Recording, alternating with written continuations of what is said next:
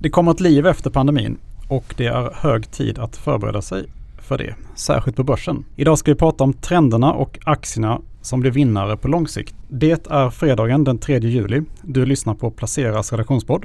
Mitt namn är Karl Lans. Bredvid mig sitter Ludvig Löngård, Josefin Gillbrandt och Per Ståhl. Hej! Varmt välkomna! Vad fint! Det lät som en sån här morgon... Vad heter det? Sommarprat? Inledning. Jättetrevligt! Ja, men hur förbereder ni er på att covid-19 eh, kommer över nu då? Vi har ju fått massa rapporter här om ett eh, framgångsrika vaccinstudier så att eh, det är väl dags att börja fundera på det, hur livet blir efter pandemin. Ja, jag tror jag kommer gå ut och göra saker direkt när allting är slut liksom. Vad ska du göra då för något? Ja, Jag kommer väl gå ut på krogen. Ja, kanske. Och dricka öl kanske? Ja, förmodligen. För det var länge sedan nu.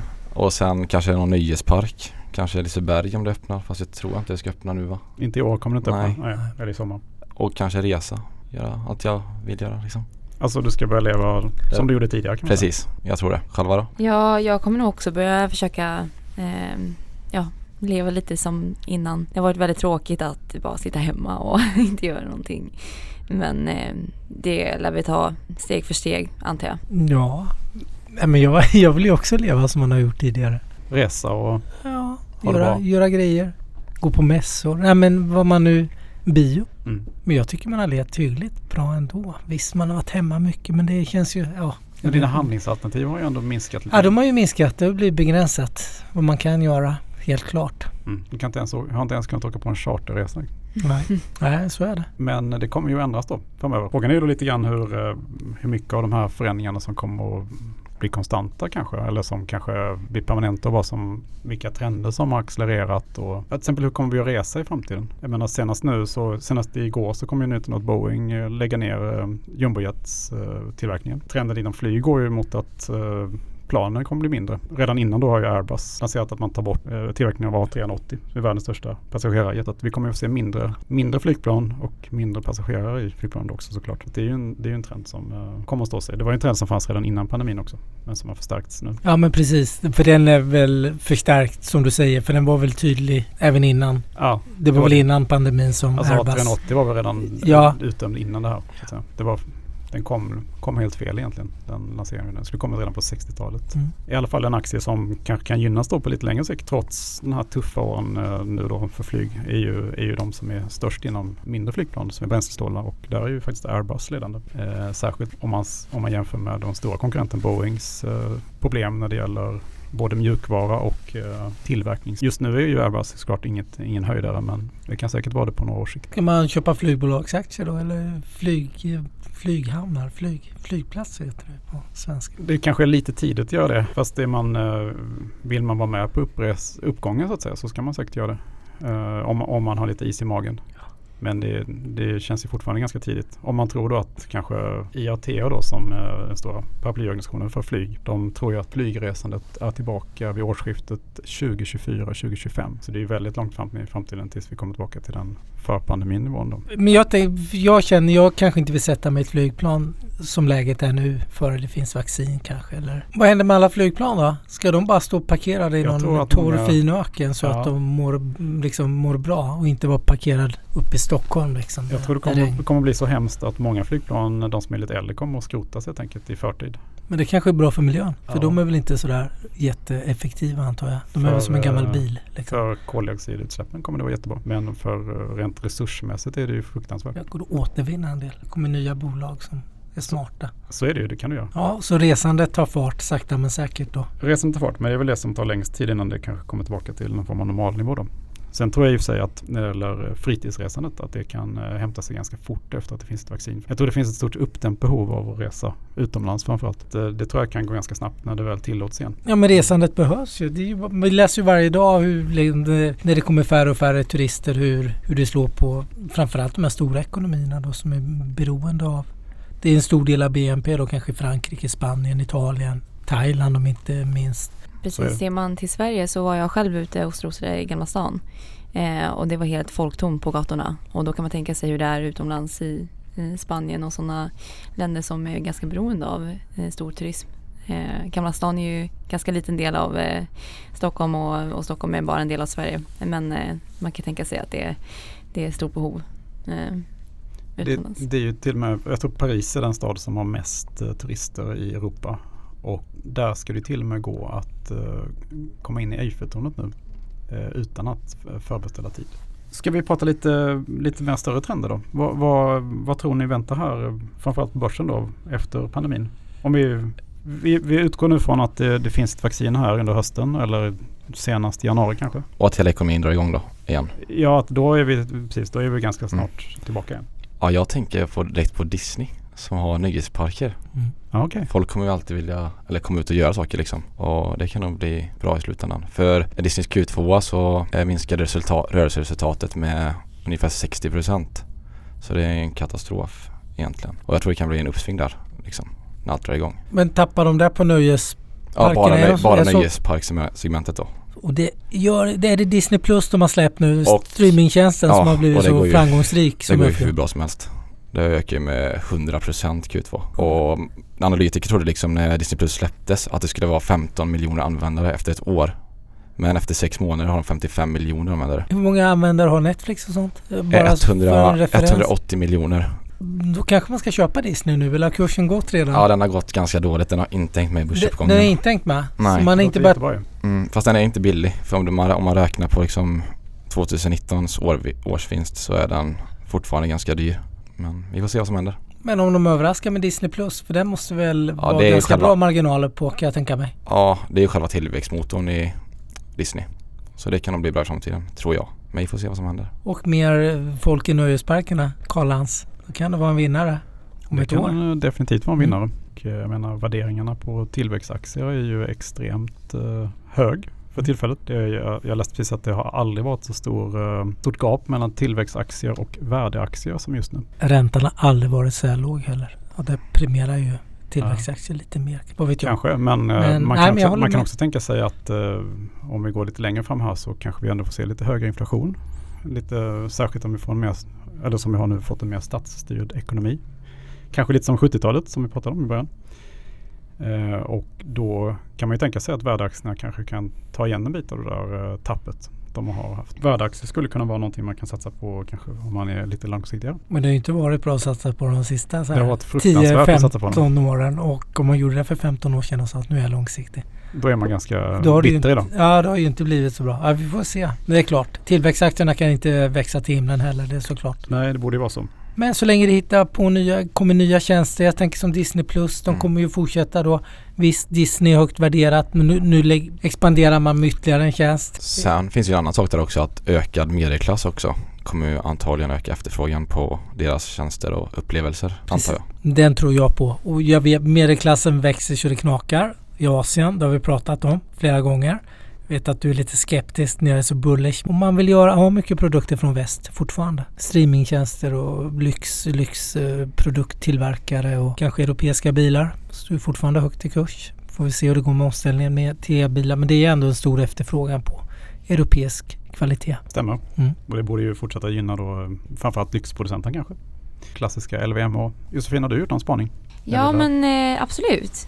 Jag spanar ju väldigt mycket på tekniken och hypen som har varit nu under våren. Eh, men det som jag försöker kolla på är att eh, vad kommer bli de här vinnarna även långsiktigt och göra lite analyser hur det var innan eh, den här pandemin kom, eh, ja, tog sin fart. Och hållbar, hållbarhet har ju varit på tapeten ganska eh, mycket innan och fått sig, tycker jag, en liten alltså satt sig lite på paus nu under den här eh, tiden då. Så att jag tror att eh, i och med att det har varit en sån eh, hype i tekniken så har det satt ganska mycket tryck på företag att, att eh, eh, utveckla sig inom det här området och även då företag som eh, riktar sig mot hållbarhet, sådana som försöker minska fossila utsläppen på jorden och så vidare och så vidare. Så att jag tror att man kommer nog se stora framsteg på, det, på den fronten. Absolut. Finns det några aktier här som du tänker på?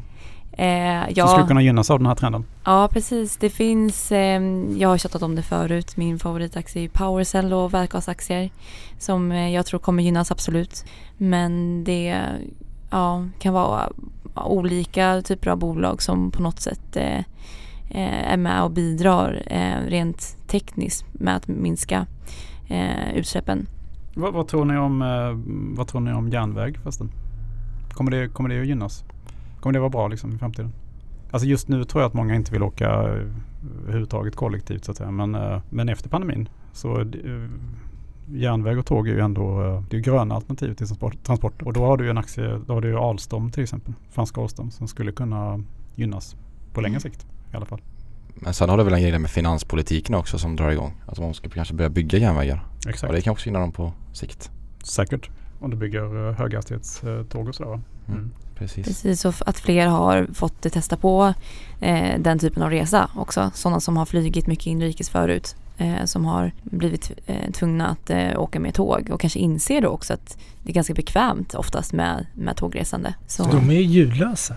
Ja, alltså jämfört med, ja. med och sitter man fel i ett flygplan är det ju Det kan ju vara riktigt jobbigt Riktigt att sitta väldigt nä- trångt nära framförallt. mo- Ja men det är trångt. Man sitter nära motorn och ja, det bara brummar ju liksom. och jag tycker också att, det, att på tåg så kan det ju, det blir oftast lättare att eh, mindre moment emellan. Alltså att du ska ta dig till en flygplats, ta dig igenom security, kliva på planet och sen så är det en stund i luften. Medan på tåg kan du faktiskt sitta hela resan och hålla på med det du behöver göra.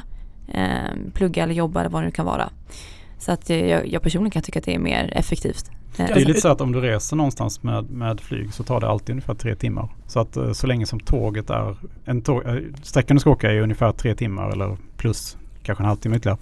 Så vinner ju alltid tåget vad det gäller tid också. Ja men den gör det. För det, du landar ju alltid nära centrum eller i Stockholm är du mitt i stan. Mitt i stan. Och i London, de här jättestora europeiska städerna i flera tågstationer. Men du är ändå väldigt, du är ju betydligt närmare stadens kärna än vad du är på en flygplats. Det är mycket bekvämare. Det är mycket bekvämt. Du, jag fick en annan reflektion nu Berätta. med våra ungdomar här som är den nya generationens investerare. Ja. Du pratade ju just Morgan Stanley där, det här gapet mellan värde ja, och... ja. De har varsitt topic. Det är, inget, det är inte liksom eh, BP eller Deutsche Bank eller någon sån här. Vi snackar deep value liksom. Mm. De som har blivit sönderhamrade nu i 15 års tid. Mm. Det är tillväxt. Mm. Alltså jag förstår. Jag förstår Morgan Stanley men jag tror man måste förstå vad gör de nya investerarna? De som är 20 som kommer in med sina första sparpengar nu. Vad vill de köpa för bolag? De vill köra hållbara bolag och entertainment. Jag tror det ska mycket till att köpa Deutsche Bank och BP och någon sån här tung tysk. eh, Alltså jag tror inte det är första valet om du är 20 plus. Tyckte jag var jättespännande. En Powercell är ju superhypa. Ingen av era bolag är ju billiga heller kan man ju inte säga. Man kan ju inte beskylla er för att ni är snåla liksom. Vi köpa jättebilligt. Nej precis, en annan aktie som jag tycker är spännande är ju eh, Spotify. Den har du och jag Ludvig pratat Mm. lite om. Eh, så att eh, vi tycker att den är, de har ett bra koncept. Den är, varumärket är väl etablerat världen över eh, och eh, inte speciellt högt värderat. De har stigit ganska mycket nu i juni i och för sig. Men eh, det är ändå en ganska cool aktie. Så att det, Det finns mycket potential. Men det finns hård konkurrens där också. Det har rätt i.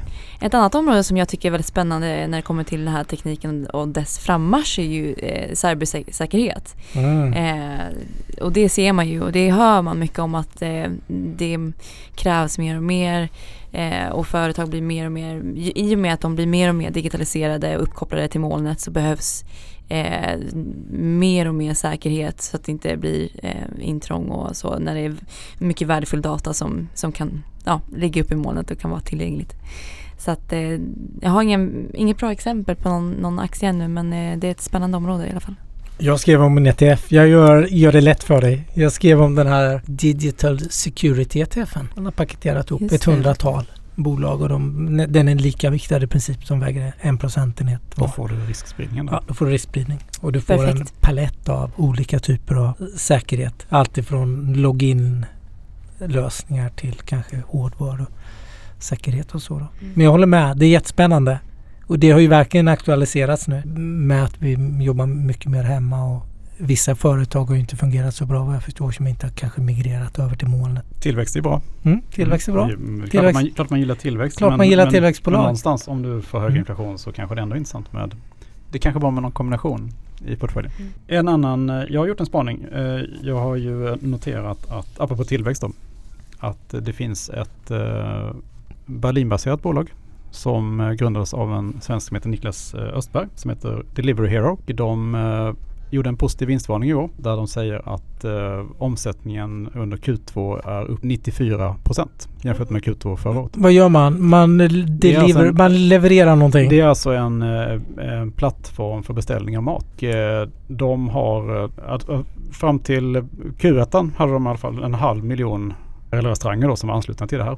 Så har man en restaurang så kan man, alltså, Kan man ansluta sig till Delivery. en digital plattform då så Precis. hjälper de till med, med Ja, de- tar emot Ta bes- emot beställningen och levererar maten helt enkelt. Och, ge- och genomsnittstiden för att leverera mat är 28 minuter från beställningen. Är det Foodora de här som ingår? Precis, de äger Foodora. Så de äger då ett Ja, de- 30-tal varumärken helt enkelt. Runt om i världen.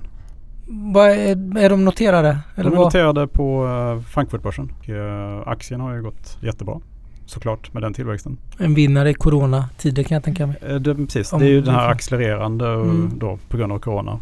Men det skulle varit en vinnare i vilket fall som helst. Hur stort är bolaget? Det är 20 miljarder euro i 20 börsvärde. miljarder euro. Alltså vi Exakt. pratar 200 200 miljarder. plus miljarder svenska kronor. Ja.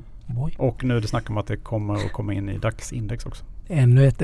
Ska det ersätta Wirecard? Det är väl tanken då. Är det tanken? Ja. Ett tillväxtbolag ersätter ett tillväxtbolag. Ja. Så det kommer mm. Förhoppningsvis ett, ett tillväxtbolag som har eh, där siffrorna stämmer. rent mjöl i påsen. Passar väl till maten.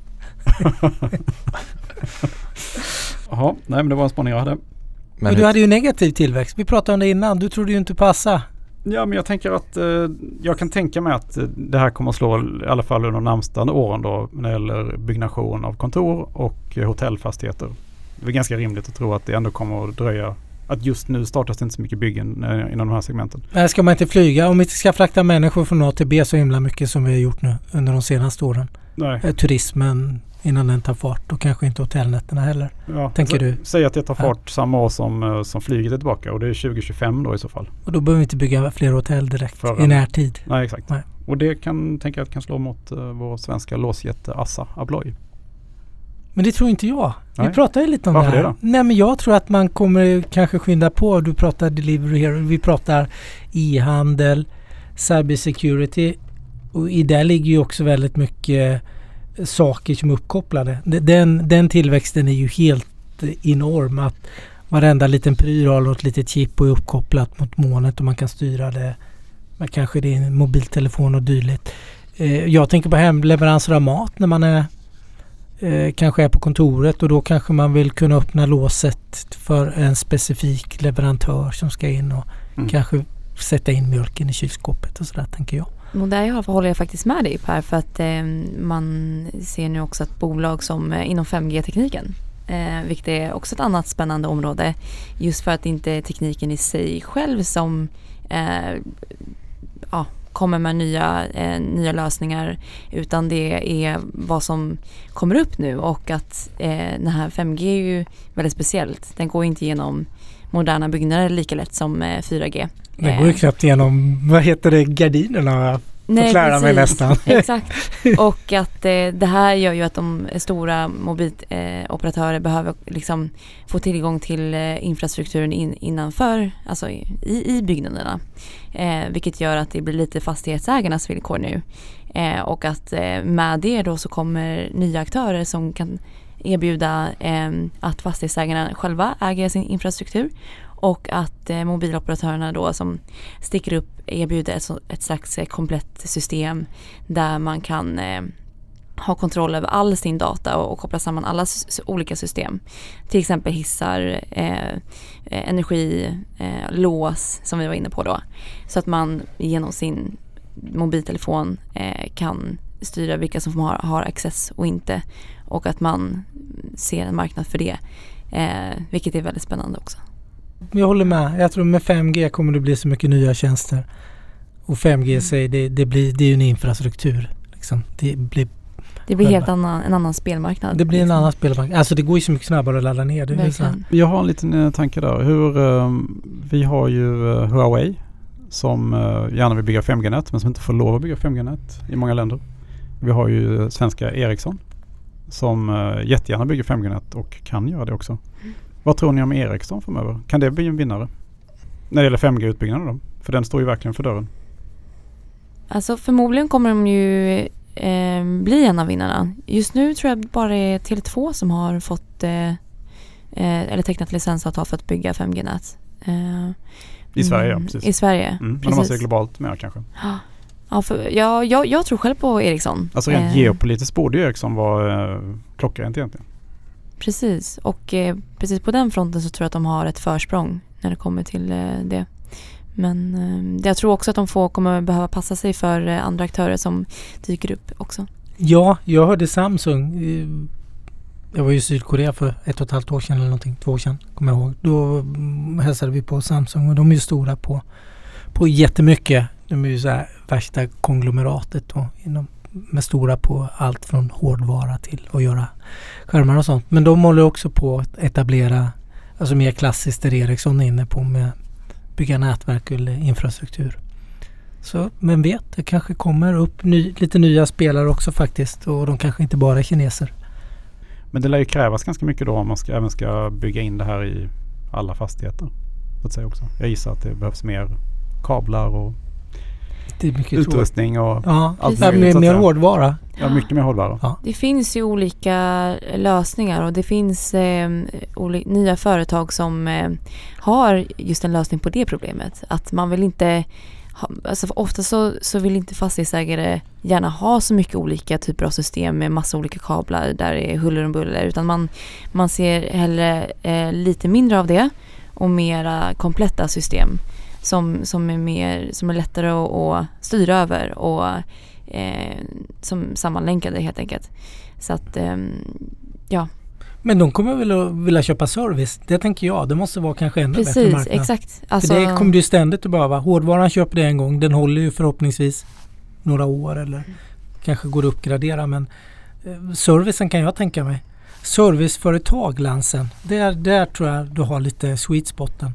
Och inte Ericsson kanske. Utan drifta de här små mini 5G-nätverken. Industrierna kommer vilja egna. Volkswagen kommer att vilja eget och Daimler, de, de tyska nationalklenoderna när de ska digitalisera industrin nu, kanske elektrifiera den lite hårdare. Egna, ja då blir du, du vill ha dina egna 5G-nätverk Mm. där inne mm, som sen kopplas på kanske Deutsche Telekom stora och sådär då. Där tror jag vi kan hitta vinnare också. Vad har du för aktier då? Jag har inga aktier. Jag vet inte. Det är, det är lite för våra lyssnare att gräva också. Vi kan gräva vidare till nästa gång. Men Definitivt. är- Men det kommer säkert nya företag också tänker jag. Som kommer erbjuda, det kan ju vara Ericsson också att de blir ändå större på servicesidan och sådär. mm.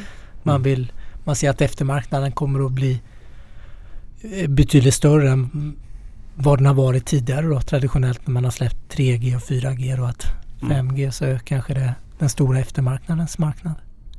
Du är en sån här super basic eh, spaning bara. Om vi elektrifierar mer och eh, har mer kablar och grejer då kommer ju koppar efterfrågan förmodligen att fortsätta vara öka. Då kan man ju tänka sig att rena spel på kopparbolag kan vara intressant. Nu fick in värdebolagen. Ja. Äh? Lundin Mining det. till exempel eller eh, Glencore skulle kunna vara sådana aktier som presterar bra i en sån miljö. Så att du har råvarubolagen där ändå som är Mm. intressanta spel på en, på en eh, utökad elektrifiering då av samhället. Och de tittade ju vi på. Kommer du ihåg? Jag skrev om guldbolagen här. Ja just det ja.